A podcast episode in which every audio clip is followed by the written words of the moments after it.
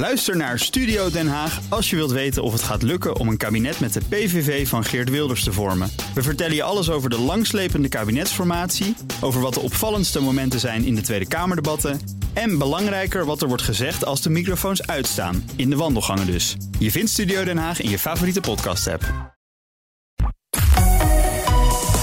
BNR Nieuwsradio. The Big Five. Diana Matroos. Welkom bij BNR's Big Five van de voedselpioniers. En die pioniers zijn hard nodig. Willen we iedereen blijven voeden in de wereld en onze planeet gezond houden? Dan moet het roer echt om. Maar hoe krijg je als pionier die grote transitie voor elkaar? Welke weerstand is er en hoe overwin je vervolgens die weerstand? Deze week spreek ik vijf voedselvernieuwers die technologie als dé oplossing zien. Vandaag bij mij te gast de CEO van Priva, dat is een Nederlands familiebedrijf dat wereldwijd technologie ontwikkelt voor onder andere tuinbouw, binnenteelt en grote gebouwen.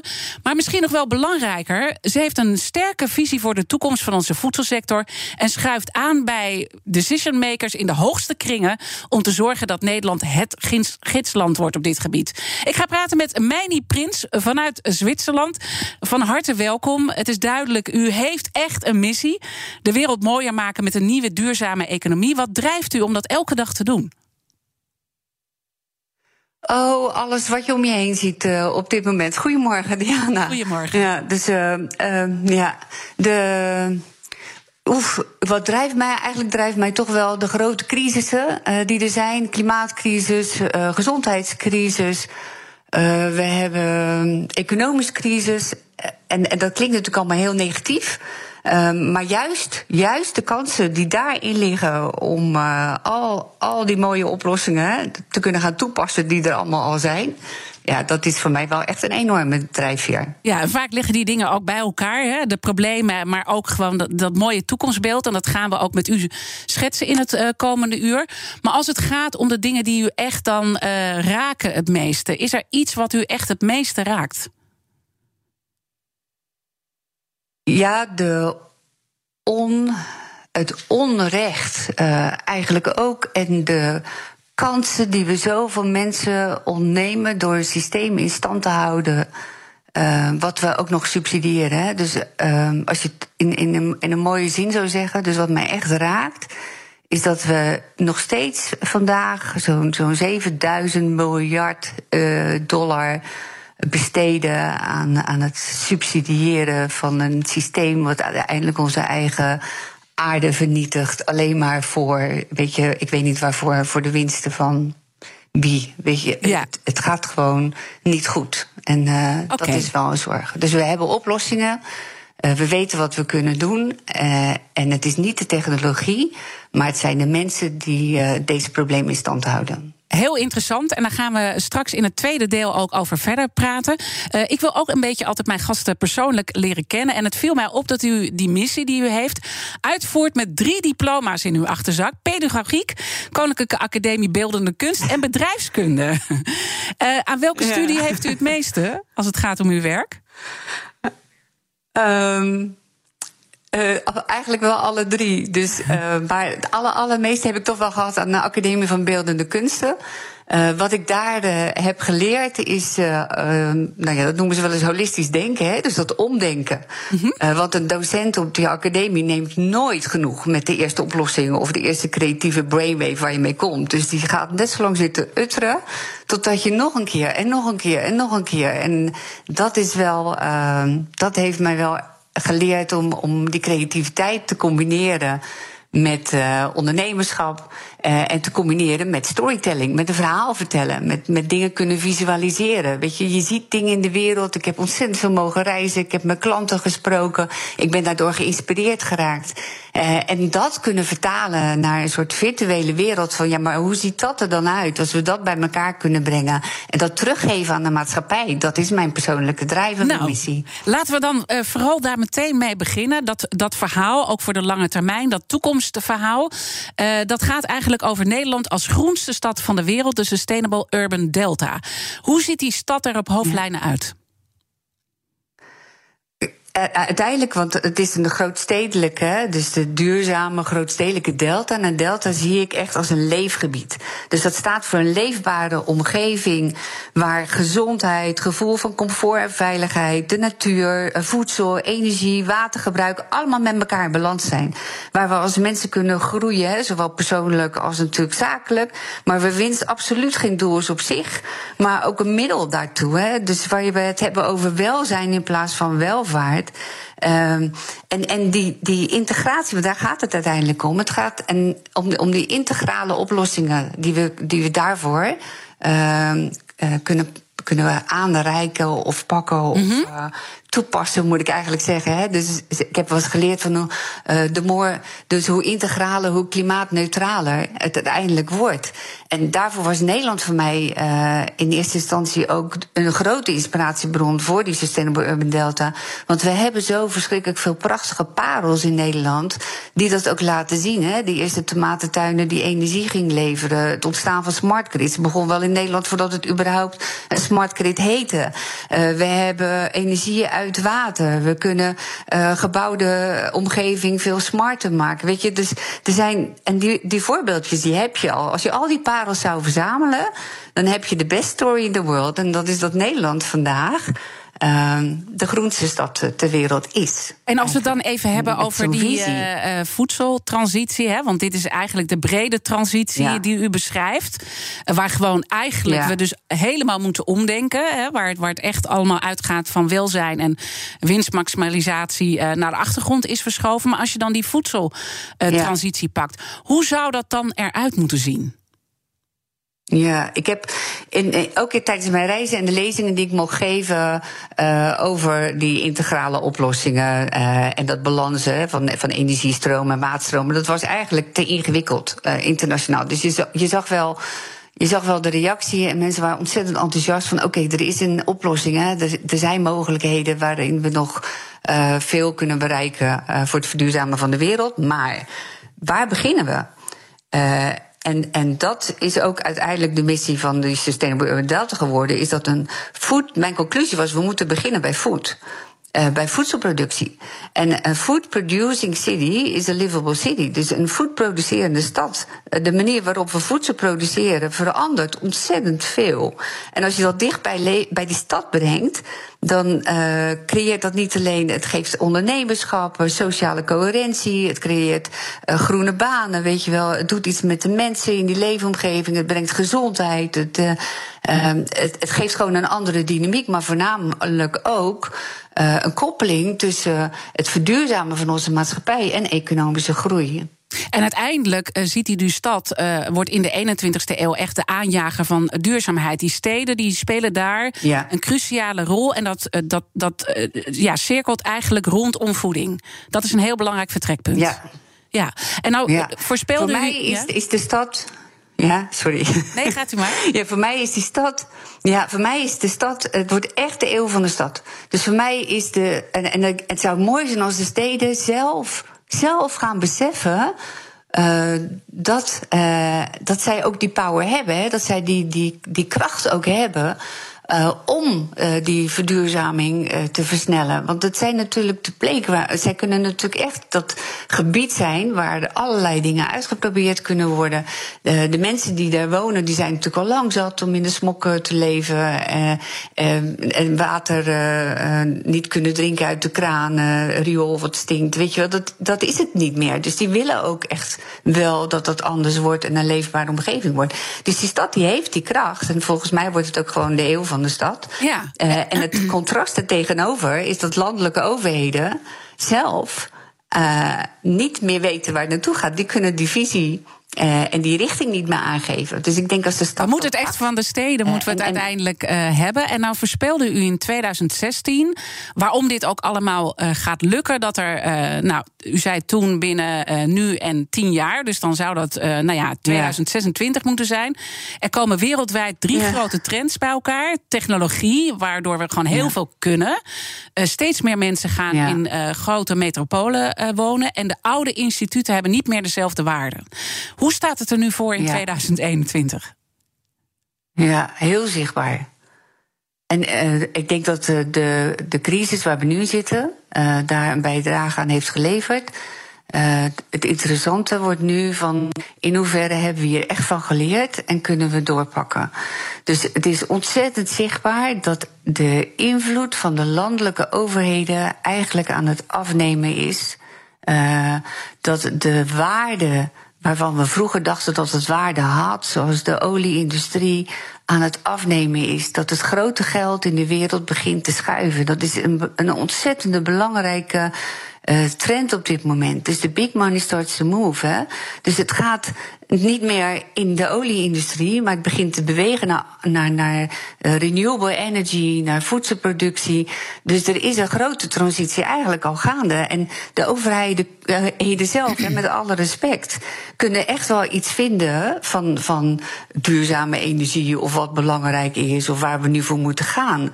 Maar ik denk bij mezelf, vergis je niet, de ondernemers zelf hebben al lang die keuze gemaakt. Die gaan wel door. En die gaan echt door met het bieden van oplossingen. Omdat zij weten dat als zij blijven hangen in die oude fossiele economie. En die oude economie, hè, dat, ze, dat ze uiteindelijk geen bestaansrecht meer hebben. Dus uh, zij gaan door. Ja. Uh, en dat vind ik heel interessant om te zien. Oké, okay, dus uiteindelijk gaat die disruptie plaatsvinden. Maar uh, we gaan straks ook met u praten. Want er zijn natuurlijk nog wel heel veel weerstanden. Dat straks. The Big Five. Diana Matroos. Deze week vijf kopstukken uit de wereld van de voedselpioniers. Eerder deze week sprak ik met Kees Kruidhof, voormalig kroonprins van Unilever. Die zich nu met een nieuw bedrijf geheel op de plantaardige voeding stort. Omdat dit echt een gigantische markt gaat worden. En ik sprak met Jaap Korteweg. Hij is oprichter van de Vegetarische Slager. Maar intussen is hij al lang weer bezig met de volgende voedseltransitie. Is een medisch technologiebedrijf wat nu aan voedsel gekoppeld wordt. En al die gesprekken zijn natuurlijk zoals altijd terug te luisteren in onze BNR app Mijn gast vandaag is Meini Prins. Zij is de CEO van Priva. Dat is een Nederlands familiebedrijf die uh, technologie uh, inzetten wereldwijd om echt een grote transitie uh, te maken in die voedseltransitie ook. En we noemden net al eventjes de Sustainable Urban Delta. u reist daarvoor veel. Wat is nou uw favoriete voorbeeld internationaal? Van een uh, duurzaam, nou ja, echt, echt een duurzame stad zoals we die voorzien. Hè? Uh, helaas zijn die nog niet. Het mooiste voorbeeld wat ik ken is inderdaad toch wel Nederland, als je dat de stad zou zien. Uh, maar er zijn wel talrijke voorbeelden waarbij voedselproductie uh, meer geïntegreerd is in grootstedelijke ontwikkelingen. En ik heb het echt even ook om, om ja, mensen mee te nemen erin. Ik heb het ook echt over de megasteden. Dus de de meegesteden in deze wereld. Hè. Dus Beijing heeft natuurlijk vele, vele miljoenen ja. inwoners. Maar als je kijkt vanuit, weet je, als je naar Google Maps gaat en je kijkt naar dit soort megasteden, dan zie je eigenlijk altijd een soort clustering uh, van geconcentreerde uh, gebieden. Dus waar, waar mensen wonen. En daartussen lopen vaak nog wat groene stroken of, wat, of je hebt zo'n green belt hè, rondom zo'n stad. Um, en die, daar zie je het wel gebeuren. Dus die stad die bedenkt uh, zeker in China, uh, ook van, wacht even, we kunnen wel door blijven gaan met investeren in bijvoorbeeld die woontorens met uh, eh, 30 verdiepingen of hoger.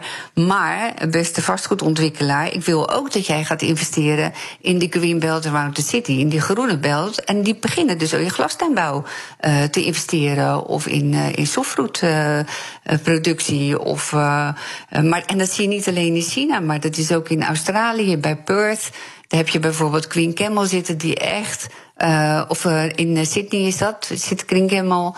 En die hebben de, de tomatenteelt gecombineerd met vissenkweek, waarbij de poep, de uitwerpselen van de vis, weer wordt gebruikt als nutriënten. Eh, waardoor het als organic mag, verkocht mag worden in de supermarkt. Waardoor ze weer een betere prijs krijgen voor hun product. Uh, of ik neem je mee naar Mexico. Uh, daar gaat het om een klein dorp waarbij iedere kasse eigenlijk de eigendom wordt van een gezin. En die in een, in een paar jaar tijd hun inkomen vertienvoudigen. Weet je, er zijn zo verschrikkelijk voorbeelden. Detroit, waarbij een ex gedetineerde uh, is begonnen om een klein kastje neer te zetten in een verpauperde stad. Uh, wat ondertussen uh, echt grootschalig aan het worden is. Dus het zijn, het zijn echt hele interessante voorbeelden van, van nieuw ondernemerschap, andere businessmodellen, uh, dicht bij waar de mensen wonen, voorkomen dat we het voedsel maar blijven transporteren over de hele wereld, uh, gesubsidieerd of niet. Maar dat mhm. is wel echt een, een toekomst. En waarom zijn met name uh, Amerika en Azië, want die benoemt u echt als nou ja, de voorbeelden waar dat echt al plaatsvindt. Waar, waarom juist die ja. gebieden? Die tot nu toe is daar uh, nog. Daar, laat ik het anders zeggen. Daar is de impact van klimaat op de manier waarop voedsel wordt geproduceerd tot op vandaag het grootst. Uh, en dat is natuurlijk een dreiging die we sowieso zien in de wereld. Dus de combinatie van de klimaatveranderingen mm -hmm. met de manier waarop we vandaag voedsel produceren. Uh, Even kijken hoor. Ik hoor even dat de uh, verbinding wegvalt. Of en het anders uh, moeten. Ja, u bent, u bent er weer. We zitten natuurlijk uh, met u te praten, want u zit in Zwitserland. u moet, in Amerika. Ja. Het gaat eventjes. in Amerika. Mis. Ja, oh. in Amerika. U mag verder praten hoor. Ja, oh, in Amerika ehm, heb je bijvoorbeeld in Californië die droogte. Mm -hmm. Uh, en eh, een aantal jaren geleden waren de vakken in de supermarkten gewoon leeg. Dus er was geen sla meer te krijgen. Nou, je kan je voorstellen, de Amerikaan uh, zonder slaap, zijn broodje hamburger is natuurlijk wel een dingetje. Ja. Dus uh, dat was echt wel een schok in, in die grote staten ook. Dus het besef kwam daar dat ze toch uh, moeten kijken naar oplossingen lokaal en dichterbij waar mensen wonen, waar de supermarkten zijn. Uh, en daar wordt op dit moment flink in geïnvesteerd in Amerika. Misschien ook mooi om daarin een concreet voorbeeld, hè, want uh, Priva speelt natuurlijk ook een uh, rol in dit verhaal. Jullie zijn met een Amerikaans bedrijf en een Britse online supermarkt zijn jullie een nieuw bedrijf begonnen, Infinite Acres, en dat bedrijf verkoopt kant-en-klare indoor farms. Wat zijn dat? Ja, de grootste indoor farm uh, is, op dit, is nu uh, actief in uh, Hamilton in de US. Um, het is eigenlijk precision farming, hè? dus het is de, nou ja, wat wil ik zeggen, de hoogste high-tech. Het is best wel hoog, technologie. Um, maar compleet indoor, dus helemaal gesloten. Dat wil zeggen dat je ook met ledverlichting natuurlijk moet verlichten. Uh, dat, dat is een ontzettende mooie oplossing als de waarde uh, ook duidelijk is van die manier van telen. Het is natuurlijk ook best wel een grote investering. En Priva is technologie toeleverancieren, dus we zijn niet echt onderdeel van, van de uh, onderneming zelf. Het is gewoon een zelfstandige onderneming. Wij hebben de technologie geleverd daarvoor. En het is werkelijk uh, gaande voor maximaal. Um, ja, toch wel maximaal biologisch. Ook al klinkt het voor mensen natuurlijk wel bijzonder, maar het is maximaal biologisch, uh, maximaal uh, hergebruik van water. Het is uh, zonder uh, bestrijdingsmiddelen. Het is natuurlijk een fantastische manier van telen. Uh, die ook heel veel kansen biedt voor al die landen waar gewoon telen best wel een, een ja, ja. lastig is. Maar, maar, maar wel, hè, dus de, de water, waterverbruik wordt nou ja, gigantisch minder. Dus er zitten heel veel voordelen voor het milieu. Maar een grote uitdaging is natuurlijk wel het energiegebruik. Dat ligt nog veel te hoog. Zijn daar tussen sprongen gemaakt? Ja, die energieverbruik, dat zijn nu de stappen die gemaakt gaan worden. Want inderdaad, die is best heel hoog. En als je dat allemaal duurzaam wil doen, is het heel belangrijk dat je ook de koppeling kan maken naar wat er in de omgeving aan gebruikers of toeleveranciers is op een andere manier. En dat bedoel ik eigenlijk met dat balansen van die energiestromen. Je ziet het ook wel in Nederland. Hè? Dus um, uh, de datacenter, uh, de warmte koppelen aan de wijk. Of, de, dus de beste oplossing voor dit soort uitdagingen ligt met name in het zoeken naar nieuwe verbindingen in, in de omgeving, liefst ook. met het creëren van smartachtige, ja, smart grid-achtige toepassingen. En zover zijn we nog niet, hè? Dus dat is echt nog wel een uitdaging, maar die gaan zeker komen. Maar het grote voordeel is, als je zo'n indoor farm, dan kan je dus uh, in de steden kan je eigenlijk uh, zelf je voedsel produceren. Dus je hoeft het niet meer van ver te laten komen, wat natuurlijk allemaal voor CO2-uitstoot uh, zorgt. Je kan veel sneller produceren, eigenlijk voor je eigen bevolking. En als je dat naast het feit legt dat er steeds meer mensen in de steden gaan wonen, zeker over een aantal ja. jaar, dan, dan zou dat veel meer de gedachte moeten zijn. Dat, dat is uw ja. visie. Ja, mijn visie is vooral dat ik ga vooral voor het ondernemerschap. Dus ik, ik geloof heel erg in die ondernemer. En het is eigenlijk aan de ondernemer welke oplossing die ziet. Dus waar mm -hmm. kan hij zijn business mee opbouwen in die stad? En of dat nou softfruit is in tabletops, of het is tomaten in een high-tech uh, greenhouse, een glastuinbouw, of het is een indoor farm, of het is buitenteelt, of het is de combinatie tussen vis en, en tomatenteelt. Het maakt niet uit, weet je, of het nou om algen gaat of om. Er zijn zoveel ongelooflijke interessante uh, ontwikkelingen, dingen mee te doen. Alles wat rondom dat thema voedsel ligt, dat is aan die ondernemer. En hij zal zeker zien of zij binnen uh, dat ecosysteem waarin hij zijn product kan leveren, wat daarvan de waarde is uh, op zijn lokale markt, hè, wie zijn klanten zijn. Dus het gaat bij mij echt, het is echt die ondernemer die het moet gaan doen. Ja, de ondernemer en, moet het gaan doen, maar wel vanuit de grote gedachte ja. dat je dus alles naar de stad toe brengt. En niet meer um, ja. als je hier in Nederland bent, uh, dingen uit Brazilië gaat laten komen en die helemaal gaat transporteren. Je kan het echt dicht bij huis gaan maken. Dat, dat is eigenlijk Eens. de kern die eronder ligt. Nou, nou heeft dat Alles, natuurlijk wel, ja. als je uh, zo op die manier gaat telen... en uh, je gaat dat echt helemaal indoor doen... en dus niet in de buitenlucht, in de aarde... maar je gaat met uh, waterteelt en al dat soort dingen werken... dan kom je natuurlijk ook op een kwaliteitsvraag. En ik denk dat het mooi is om de kettingvraag erbij te pakken... want in de vorige aflevering ja? was hier Jaap Korteweg... bekend van de vegetarische slager, maar nu van those vegan cowboys.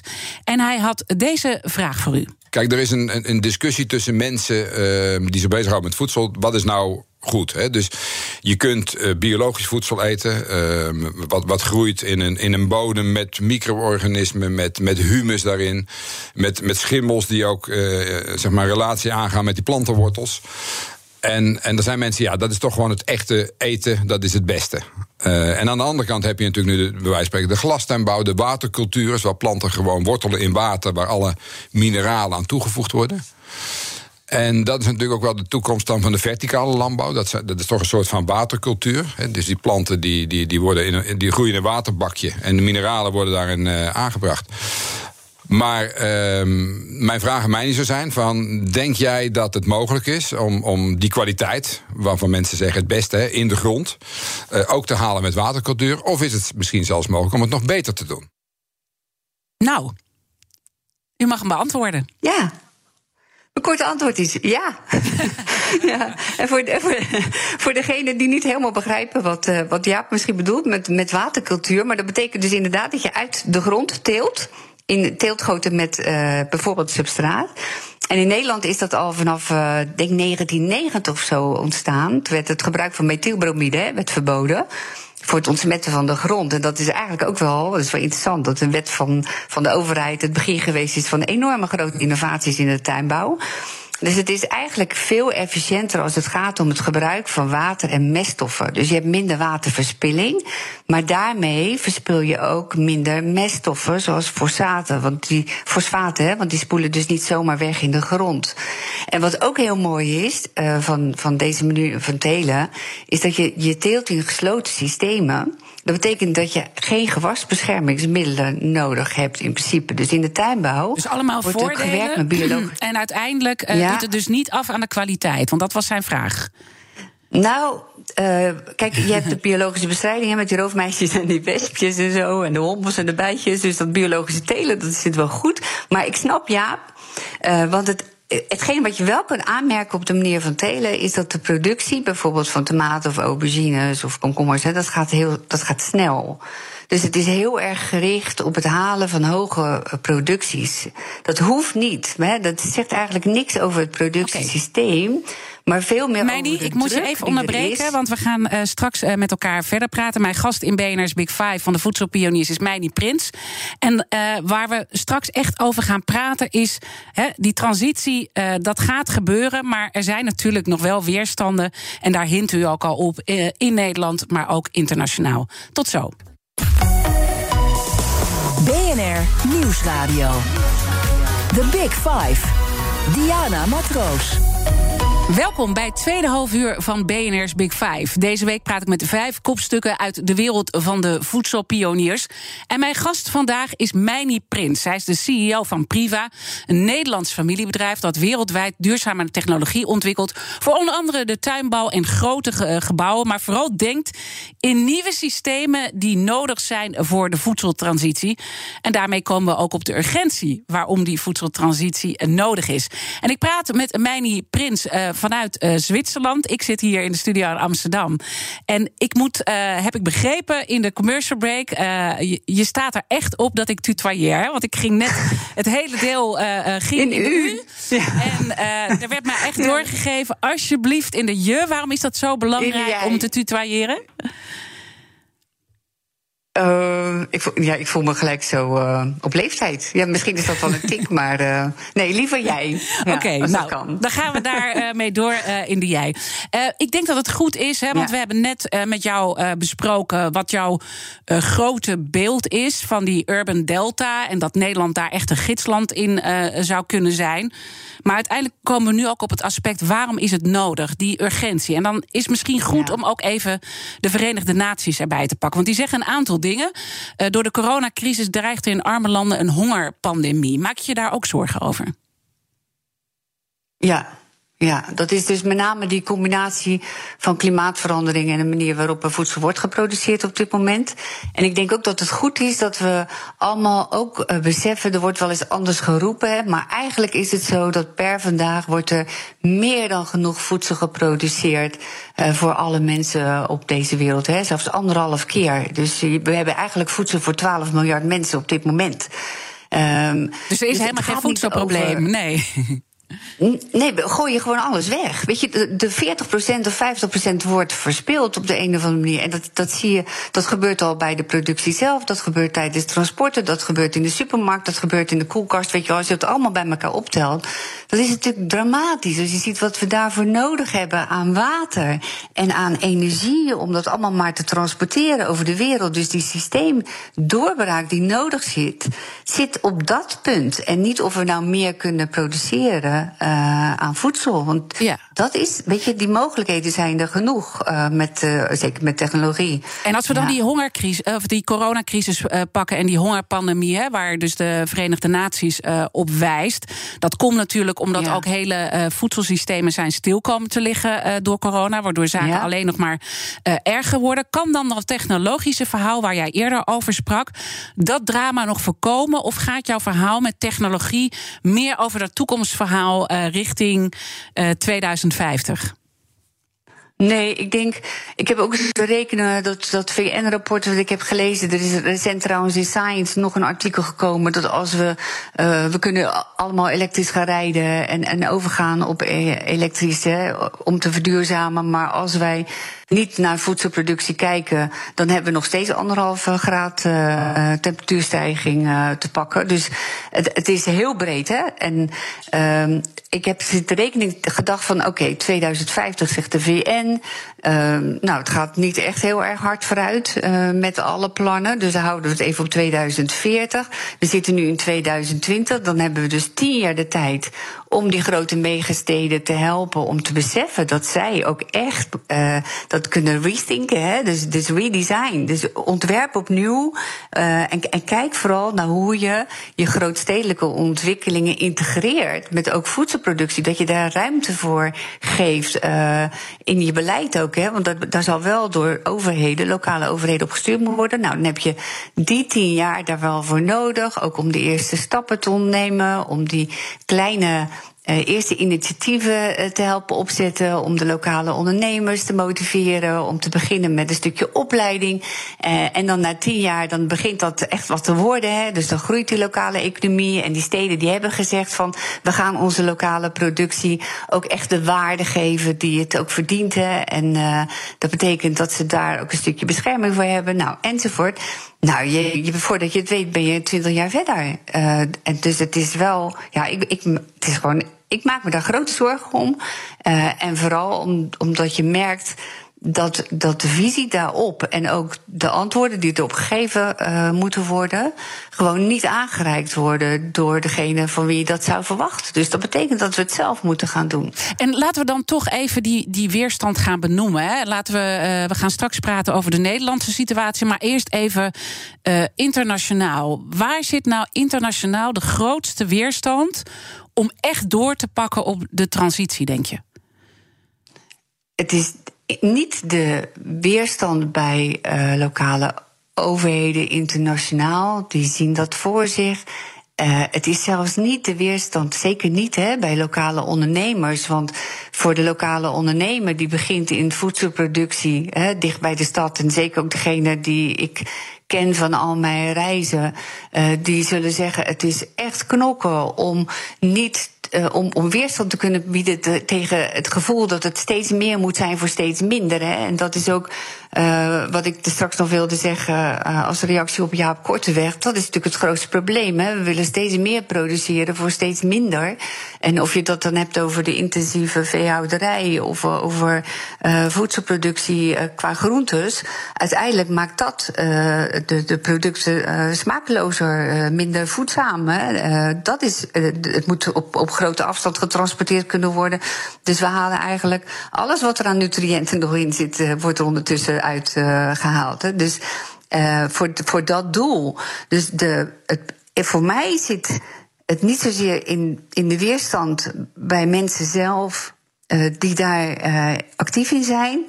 Maar het zit hem in een systeem wat we in stand houden. En eigenlijk dus. Goed bedoeld. Goed maar bedoeld, ook die oude economie, ja. toch? Ook die oude economie, ja. Meini. Ja, eens. Het is uh, heel erg gericht. Ik, ik, uh, nou, ik, kan het het beste vertellen, maar aan, aan, aan een voorbeeld. Hè. Uh, in Amerika geeft ontwikkelingshulp bijvoorbeeld aan Colombia. En die zegt dan tegen Colombia: wij doen dat voor jullie onderwijs, maar by the way, uh, je moet wel even de importheffingen van je grenzen afhalen, want dan kunnen wij onze granen en soja dumpen in jouw land. Uh, we hebben landbouwsubsidies hier in, in Europa, wat ervoor zorgt dat er een perverse prikkel komt op het meer produceren van tomaten, zodat er overproductie komt. En dat dumpen we dan vervolgens in Afrika, waardoor de lokale boer in Afrika geen bestaansrecht meer heeft, zijn business op moet geven, aan de bedelstaf komt, trekt naar die stad, in, de, in, die, in die vreselijke suburbans terechtkomt en eigenlijk geen leven meer heeft. Dat is wat we doen. En, en dit is niet alleen uh, als het gaat om uh, de voedseltransitie. Dit speelt breder als het gaat om die transitie. Dat eigenlijk de oude economie, de belangen zo groot zijn dat dat eigenlijk in stand wordt gehouden. Ja, en voor wie? Voor wie doen we dit, hè? Dus ik, ik, ik heb uh, echt, het is echt een worsteling geweest. En ik heb er zoveel mogelijk geprobeerd ook te zoeken van, van maar waarom, waarom houden we dit in stand? En het is inderdaad de oude economie, als dat zo gericht blijft. Hè, dus, uh, nou ja, het is natuurlijk heel erg gericht, maar op die winstmaximalisatie. Uh, dan, dan, dan, dan, daarmee doorbreken we dit in ieder geval niet. Dus uh, denk ik dan bij mezelf: oké, okay, we parkeren hem. Alles wat geen waarde toevoegt, houdt vanzelf een keer te bestaan. We stoppen er geen energie meer in. Het heeft absoluut geen zin om dat ook te doen. Laten we onze energie stoppen in hetgene wat we wel kunnen. En wel kunnen bereiken met elkaar. En dan het zoeken naar uh, die ecosystemen waar het belang veel groter is, omdat die dagelijks voelen. Hè. Het is natuurlijk veel leuker om met de burgemeester van New York hierover te praten dan de minister-president van de USA. Snap je wat ik mhm. bedoel? Dus de beweging. Dus die kracht die ligt echt uh, lokaal en die ligt bij die uh, ondernemers. Ja. En daar hoor ik enerzijds een sprankje hoop, maar ik hoor ook een hoop frustratie in jouw woorden. Ja, het gaat natuurlijk veel te langzaam, maar dat is misschien een beetje Nederlands, dat weet ik niet. Uh, nou is, ja. Ehm, Ja. Kijk, je zei natuurlijk Ja, in ik- ik- en weet je- 2016, binnen nu en tien jaar staat de wereld Ja. op zijn kop. En dat is dan eh 2026. En tegelijkertijd schets je Ja. dat het systeem nog zo vastzit in die oude economie. Dat, dat, dat frustreert jou toch? Ja, de frustratie eh, is eh, eh, gebrek aan, aan, eh, aan visie. Eh, dat mensen begrijpen, eh, als, je, als je bestuurder bent, hè, eh, denk ik dat het belangrijk is dat je begrijpt dat iedere grote verandering, die krijg je alleen maar voor elkaar als je een toekomstbeeld schetst voor de mensen die door die veranderingen heen gaan. We kunnen wel zeggen tegen ondernemers of tegen boeren van het moet anders en zo mag je het niet meer doen. Ja, maar wat dan wel? Dus je zou mensen mee moeten nemen eh, in, in dat verhaal van die transitie. En niet alleen maar praten over. Ja, maar het. weet je, Dat is het enige wat we horen, ook in Nederland. Hè? We hebben het over klimaattransitie. Kost misschien 2 miljard. Nou, ik hoef niet uit te leggen wat, wat er naar defensie gaat. of naar sociale zaken of zo. Maar, dus, en, maar als je ziet wat dat oplevert. Maar, maar er is niemand. Weet je, je hebt niet.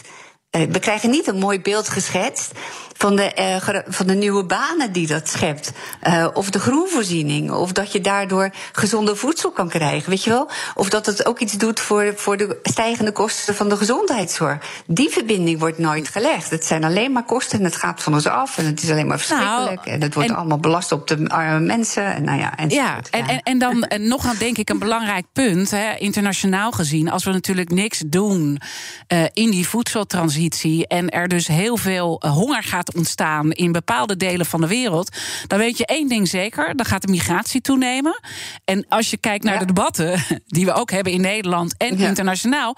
gaat het ongeveer om die migratie willen tegenhouden. Dus we zien, Ja. denk ik, ook niet eh, wat voor consequenties dit Eens. in negatieve zin voor onszelf eh, kan hebben.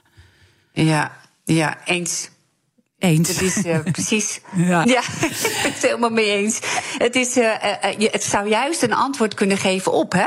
Dus eh, het feit dat we eh, lokaal zelfvoorzienend worden als het gaat om onze energievoorziening, geeft een antwoord op dat we minder afhankelijk worden van de internationale dynamiek erop. Het feit dat we lokaal eh, kunnen voorzien in gezond voedsel geeft een antwoord ook voor anderen. Hè? Dus het is niet wat wij zelf doen of hoe belangrijk het is dat we kunnen exporteren.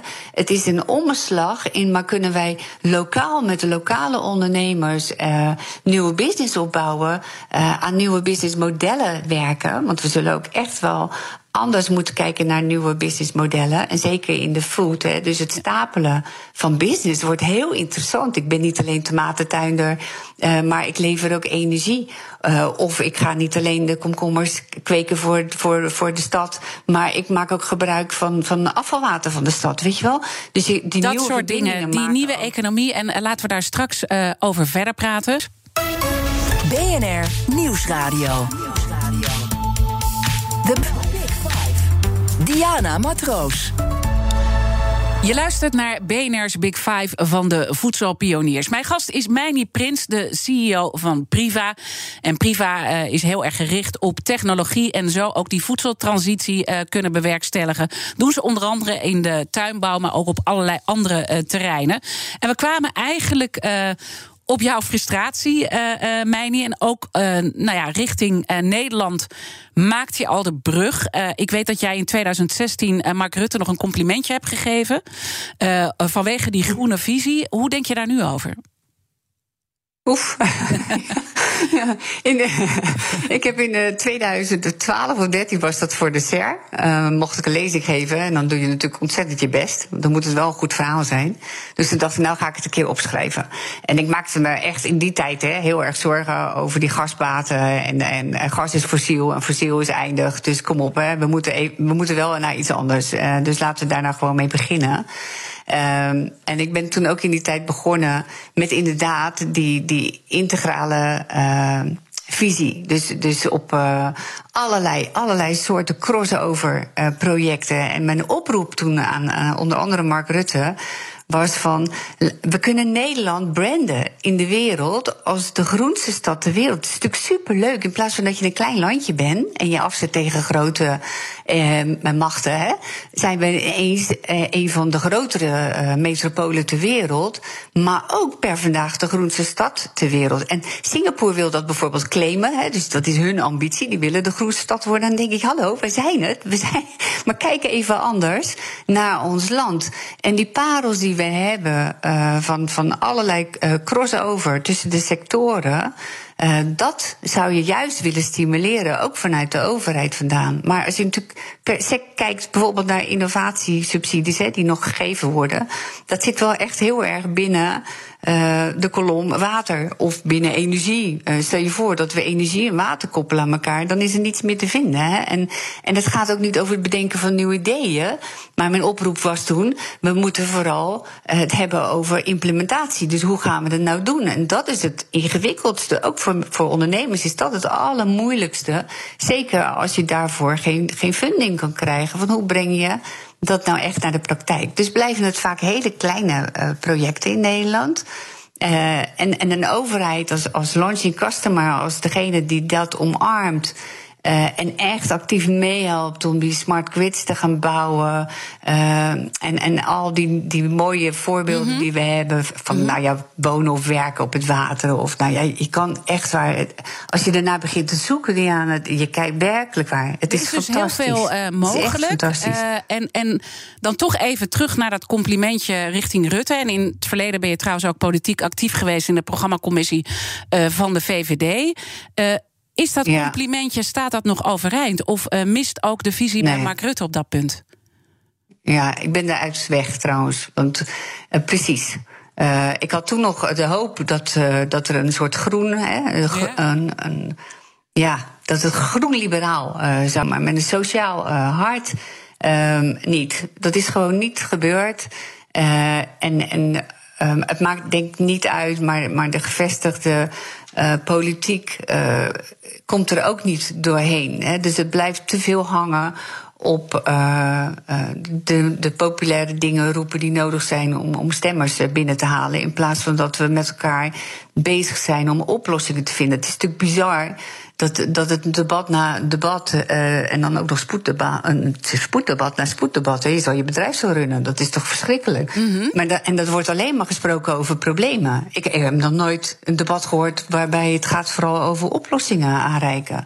En je kan alleen maar met de oplossingen aan de gang als je een gedeelde visie hebt. En een bepaalde missie die lekker ambitieus is. Wat leuk is voor jonge lui. Dat ze denken ook kicken, hè? Ja. Ik, ik mag in, in zo'n maatschappij leven. Dit is super gaaf. Hier wil ik blijven. Hier ga ik naar de universiteit. Hier zijn de leuke professoren. Ze hebben daar een visie. Dat is natuurlijk in het bedrijfsleven ook zo. De jonge talenten die trek je aan. Uh, niet omdat er een, een, een, een groot winstcijfer staat op je balans aan het eind van het jaar, maar omdat je een, een visie en een missie hebt. Dus, dus uh, die politiek die zit eigenlijk nog in die oude belangen, in die oude wereld. En mist dus de visie richting dat, dat positieve en die toekomst. En dan zit je in allerlei ja. gewaardeerde, invloedrijke kringen in Nederland. Uh, je bent regelmatig op stap met koningin Maxima, met Mariette Hamer. Internationaal ontmoet je de top. Dit, dit is toch dan ongelooflijk dat dat er niet doorheen komt, dat nieuwe verhaal.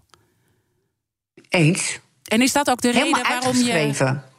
je. Ja? Uitgeschreven, belangeloos. Mijn naam hoeft er niet aan te hangen. Uh, betrokken geweest bij een nieuwe branding uh, van, van Nederland ook. Uh, waar het uh, ministerie van Buitenlandse Zaken, met name ook nog zelfs uh, een Erika Koelen van Buitenlandse Zaken, echt de nek voor heeft uitgestoken. Fantastische waarden hingen eronder. actionable, zoals dat heette. Hè? Dus hoe kan je dat vertalen en, en priva, of tenminste bedrijven zoals een. Uh, technologiebedrijven, uh, maar, maar bijvoorbeeld Nederland, hè, echt op de kaart zetten internationaal. Ja. Uh, door zo'n actionable te laten zien. Dus pak nou bijvoorbeeld ieder jaar is een andere, ga, ga in samenwerking met een andere stad en probeer daar lokaal bijvoorbeeld een, een, uh, opnieuw op zoek te gaan een nieuwe integrale oplossing of iets te doen met water of rondom energie of rondom voed of zo, weet je wel. En ja, er kan zoveel. En ik kan me ook voorstellen dat je daarom bij de aankomende verkiezingen lijstduver bent geworden van een nieuwe partij, uh, uh, Splinter. misschien toch nog even belangrijk om nog met elkaar door te nemen de kettingvraag, want onze vragen gaan natuurlijk door. En morgen praat ik met Roland van der Vorst. Hij is wereldwijd verantwoordelijk voor innovatie bij de Rabobank. En daarnaast is hij ook professor aan de TU Delft. En ik kan me voorstellen dat banken ook een rol hebben in dit verhaal. Wat zou je hem willen vragen? Ja, en hij is ook creatief. Heel interessant. Ehm, dus ik had eigenlijk een vraag aan, aan eh, Roland. Van wat gebeurt er nu als we definitief stoppen met het subsidiëren van onze fossiele industrie en de landbouw. En beginnen met true pricing, zoals dat heet. Prijzen op bijvoorbeeld voedsel, inclusief de ecologische en de sociale kosten. Ik ben echt heel benieuwd wat zijn beeld daarbij is. En we hebben natuurlijk gezien, ik ga het hem zeker uh, vragen morgen, dat uh, Rabobank ook met uh, nou ja, een soort nieuwe carbon ehm, berekening komt. Om, om ook nou ja, daar nieuwe businessmodellen in te gaan vinden in die hele voedseltransitie. Is dat iets wat je toejuicht? Of zeg je die banken moeten nog veel meer doen, ook om het MKB te ondersteunen, die ondernemers waar, ze, waar jij zo naar wijst elke keer? Ja, ja, uh, heel eerlijk. Uh, dit, dit zou een uitzending apart kunnen worden over de rol van de banken en het MKB eh, in Nederland. Uh, ik denk, uh, en dat erkennen de banken zelf ook. Hè? Dus met gegevens vanuit de EU vandaan is dat echt ingewikkeld. Maar MKB is gewoon te duur en kredietvoorzieningen uh, krijgen is bijna onmogelijk geworden. Het was al lastig voor corona, het is alleen maar moeilijker geworden. Dus het is in Nederland ondertussen zo dat we niet dankzij overheden en banken kunnen ondernemen, maar desondanks zo'n beetje. Dus dat is als je het hebt over innovatiekracht en dat terugbrengen uh, in Nederland en zorgen dat we vanaf volgend jaar voldoende financiële ruimte hebben om, om echt te kunnen blijven innoveren, daar moet wel wat voor gaan gebeuren. Ja, en tegelijkertijd uh, zeg je ook, uh, doordat uh, die subsidies nu verkeerd worden ingezet, zet dat die ondernemer ook wel onder druk om juist te innoveren. Hè? Dus het brengt ook iets los bij die ondernemer. Je bedoelt de subsidies voor Innovatie of algemeen, algemeen subsidies? Algemeen. Dat eigenlijk dat op de verkeerde ja. uh, dingen wordt ingezet. En dat, Lekker komt. Uh, ja. En dat ondernemers daardoor juist de push krijgen om dan zelf maar te innoveren. Ja, klopt. Ja, alleen in Nederland is dat fossiel natuurlijk al 4,5 miljard of zo ieder jaar. Dus het zou natuurlijk heel fijn zijn als dat aan de goede kant uh, uh, terechtkomt. Waar, ja, waar toekomst Dan kunnen we echt die meters ja. uh, maken. Dus dat echt richting een volgend kabinet uh, hoop je op een visie. Uh, denk je er wel eens ja. over om echt dan zelf de politiek in te gaan? Want je bent die lijstduur bij Splinter. Ja, en de lijstduur bij Splinter om, om uh, te inspireren, om te helpen. Ik vind Femke Merel fantastisch als het gaat om haar gevoel bij volksvertegenwoordiging. Dus, maar ook haar algemene beelden. En ik, ik, ik, dat is met name mijn grote doel. Ik denk de politiek zelf, dan, dan is het toch wel een hele andere dynamiek waarin ik denk ik zou kunnen floreren. ja. uh, om een transitie voor elkaar te krijgen. Want dan heb je het wel over uh, meestal toch wel vrij kleine teams die redelijk duidelijk in een paar jaar tijd behoorlijk wat verandering kunnen doorvoeren. En uh, dat zit er denk ik niet helemaal in in Nederland. Goed. Maar, ja. Dus je gaat door met jouw strijd vanuit jouw eigen kracht. Meini Prins, ja. de CEO van Priva, dank dat je hier wilde zijn. Vanuit Zwitserland spraken we met haar. En alle afleveringen van BNR's Big Five zijn zoals altijd terug te luisteren. Je vindt de podcast in de BNR-app en op bnr.nl. Maar blijf de hele dag live. Straks Iwan Verrips met BNR Breekt. Ik wens iedereen een mooie dag. Ook Thomas van Zeil vind je in de BNR-app. Je kunt live naar mij luisteren in Zaken doen. De BNR-app met breaking news, het laatste zakelijke nieuws... en je vindt er alle BNR-podcasts, bijvoorbeeld Het Nieuwe Geld. Download nu de gratis BNR-app en blijf scherp.